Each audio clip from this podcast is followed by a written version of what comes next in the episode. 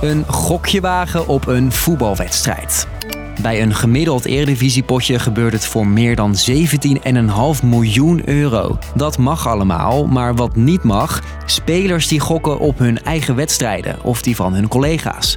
En dat is precies wat 27 voetballers uit Nederlandse competities deden. Als iemand terwijl hij op die middenstip loopt ook nog zit te denken aan zijn gok inzetten, ja, dat wil je gewoon niet hebben. Wisten ze niet dat het niet mocht of zit er meer achter? Toen ze vroegen, zijn jullie wel eens benaderd door een matchfixer? Dus staken bijna in elke selectie wel mensen hun hand op. Ik ben Steve en ik neem je mee naar het veld waar voetbal en gokken samenkomen. Lang verhaal kort. Een podcast van NOS op 3 en 3FM. Een gokje wagen. Het is makkelijk, ben je 18 plus, dan mag het, ook als je profvoetballer bent. Alleen zijn er twee belangrijke regels. Je mag niet gokken op eigen wedstrijden. Dus stel je speelt bij FC Utrecht.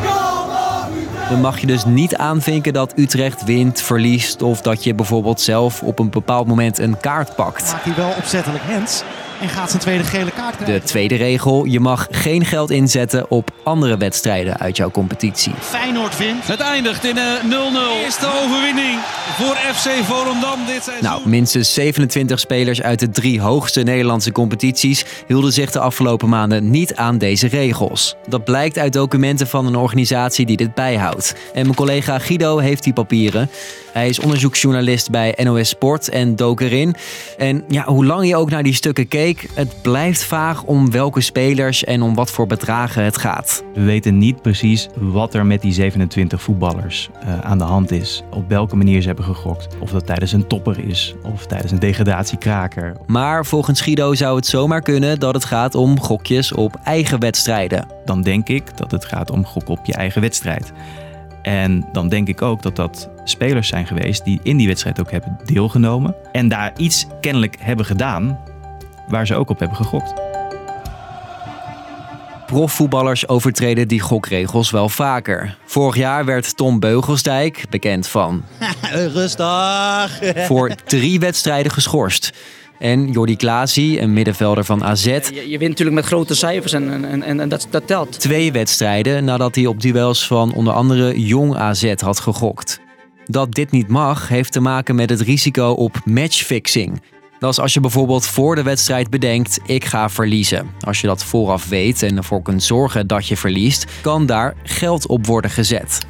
Er zijn criminele bendes die voetballers hiervoor benaderen. Omdat ze bijvoorbeeld heel veel drugsgeld hebben. Nou, dat willen ze verdubbelen. Hoe kun je dat makkelijker doen? Nou, door bijvoorbeeld een wedstrijd te fixen. En er zijn ook mensen die dit alleen doen. Zo sprak Guido ooit met ene Appie. Dat deed hij trouwens in zijn eigen podcast Gefixt. Linkje in de beschrijving. Appie vertelde dat hij spelers benaderde. Gewoon met de vraag: hey, ik zie dat je volgende week uh, tegen die uh, ploeg moet spelen.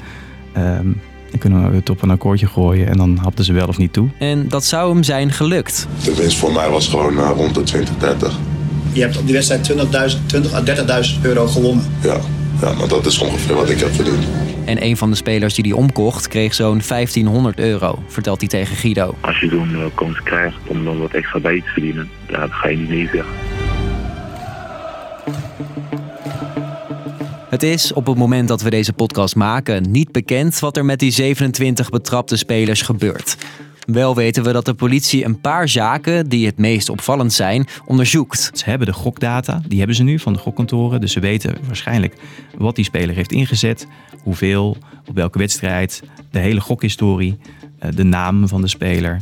Uh, hoeveel, hoeveel keer die heeft ingelogd, bij wijze van spreken. Dat, dat kunnen ze allemaal zien. Ondertussen proberen verschillende partijen het gokken onder voetballers aan te pakken.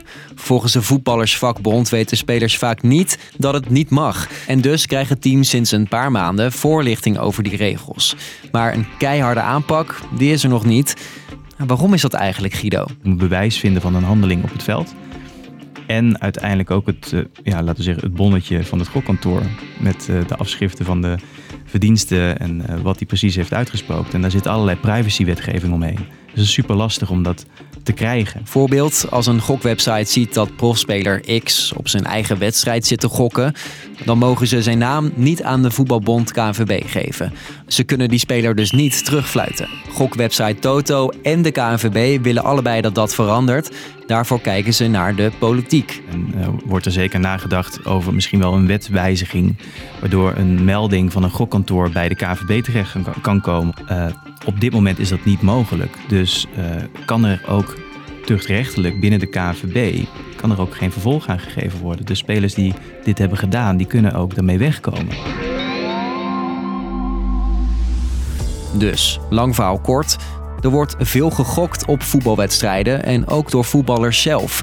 Maar doen ze dit op eigen wedstrijden of die van clubs uit dezelfde competitie, dan is dat strafbaar. Minstens 27 Nederlandse spelers deden dit de afgelopen maanden. En of het misschien om bewuste matchfixing ging, dat onderzoekt de politie. Dat was hem voor nu, waar je in ieder geval geld op kunt inzetten. Morgen fixen wij weer een nieuwe aflevering. Ik gok rond een uur of vijf. Doei!